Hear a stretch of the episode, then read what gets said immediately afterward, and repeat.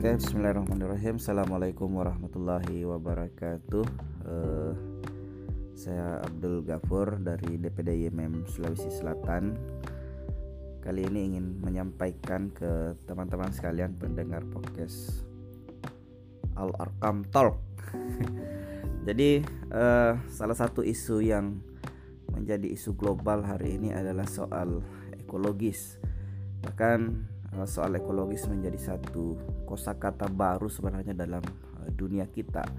Mengapa demikian? Karena uh, ekologis ini menjadi satu ancaman ya, kerusakan lingkungan dan seterusnya menjadi satu ancaman dari kepunahan peradaban umat manusia.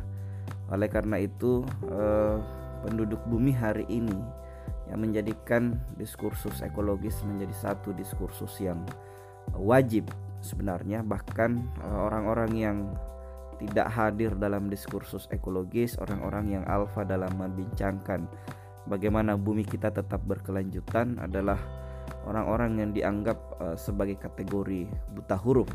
Ya, karena itu tadi bahwa ternyata kita berada dalam situasi yang uh, begitu mengkhawatirkan soal ekosistem, soal mata rantai kehidupan akibat kerusakan lingkungan.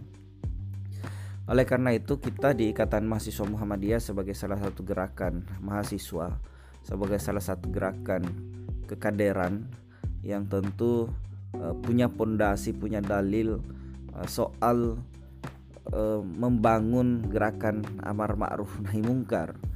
Nah, salah satu saya kira yang penting menjadi catatan bagi kita kader-kader IMM ternyata diskursus teologis kita yang hari ini lebih banyak fokus ke diskursus teologis yang sifatnya ritus lalai terhadap satu diskursus yang juga sangat penting yaitu soal uh, ekologi, soal lingkungan. Nah, oleh karena itu kita mengharapkan mulai saat ini uh, kader-kader IMM kita-kita ini di Ikatan Mahasiswa Muhammadiyah mulai uh, serius, mulai fokus saya kira menggarap diskursus-diskursus itu menggarap isu-isu ekologis tidak hanya saya kira menjadi wacana tetapi menjadi satu uh, tindakan yang sifatnya praksis dalam kehidupan keseharian kita. Karena eh, teman-teman sekalian ini kira harus kita maksimalkan karena uh, kita menyadari bahwa uh, fungsi amar ma'ruf nahi mungkar itu tadi sebagai dalil normatif kita berikatan mahasiswa Muhammadiyah tidak hanya soal mengajak orang pada kebaikan dalam konteks yang sifatnya ritus, dalam konteks yang uh, sifatnya ritual uh, vertikal antara uh, manusia dengan Tuhannya. Tetapi di balik itu iman kita ini diuji ketika kita mampu menjaga kelestarian lingkungan. Mengapa saya sampaikan demikian? Karena tujuan penciptaan kita kan adalah menjadi pengelola alam semesta. Tuhan menciptakan kita sebagai khalifah fil art yang artinya kita ditugaskan untuk bagaimana mengelola alam semesta, tidak dalam hal mengeksploitasi dan memanfaatkan dan menjadikan alam ini sekedar sebagai uh, objek dari kerakusan kita, tetapi alam semesta sebenarnya menjadi mitra kita untuk melanjutkan peradaban untuk melanjutkan eksistensi uh, kemanusiaan kita. Uh, ini yang jarang dipahami oleh kader-kader kita ini yang jarang dipahami oleh saya kira gerakan mahasiswa secara keseluruhan sampai hari ini masih alfa dalam soal-soal itu. Padahal ini hal yang sangat krusial, ini hal yang sangat apa namanya mendesak sebenarnya untuk segera kita uh, tindaki untuk segera kita uh, melibatkan diri dalam eh, tindakan-tindakan uh, pencegahan dari proses kerusakan bumi.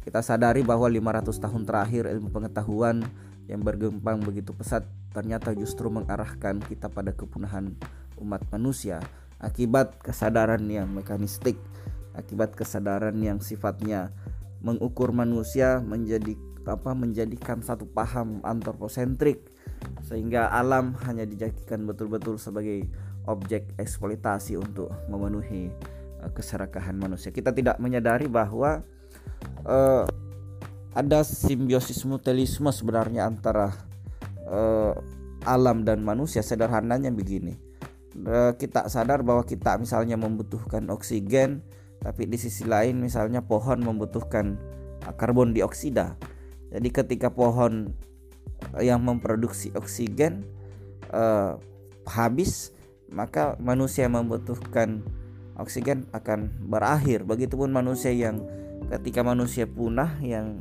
mana manusia memproduksi karbon dioksida pohon juga akhirnya akan punah. Sehingga antara alam dan manusia menjadi mitra yang harusnya bekerja sama ya untuk merawat uh, peradaban, merawat uh, kelestarian alam ini. Saya kira demikian. Kemudian uh, apa namanya teman-teman sekalian, kita ini uh, kadang terlalu fokus dalam perdebatan-perdebatan yang sebenarnya melampau sudah lalu ya sudah sudah tidak lagi menjadi era kita gitu era kita hari ini adalah soal-soal ekologis yang tadi saya sampaikan sehingga eh, mimbar-mimbar masjid bagi anak-anak IMM mimbar-mimbar jalanan kemudian ruang-ruang kajian uh, diskusi-diskusi di sosial media perdebatan-perdebatan di mana pun itu harusnya adalah salah satu yang diangkat salah satu yang dikampanyekan adalah menjaga keberlanjutan uh, bumi kita menjaga keberlanjutan tempat kita hidup. Karena itulah yang diinginkan oleh Tuhan menciptakan kita bahwa kita harus menjaga uh, bumi ini kita harus melestarikan bumi ini. Saya kira iman kita iman ekologis kita harus diperkuat ya. Saya kira itu menjadi satu keimanan baru yang harus kita ya ya bukan keimanan baru sebenarnya karena sejak awal itu menjadi pesan uh, teologis dari Tuhan. Hanya saja mungkin kita yang terkadang lalai memahami itu sehingga mengkampanyekan bahwa salah satu iman yang harus diperkuat adalah iman ekologis karena itu bagian daripada uh, jalan menyelamatkan diri kita dan jalan menyelamatkan sesama umat manusia.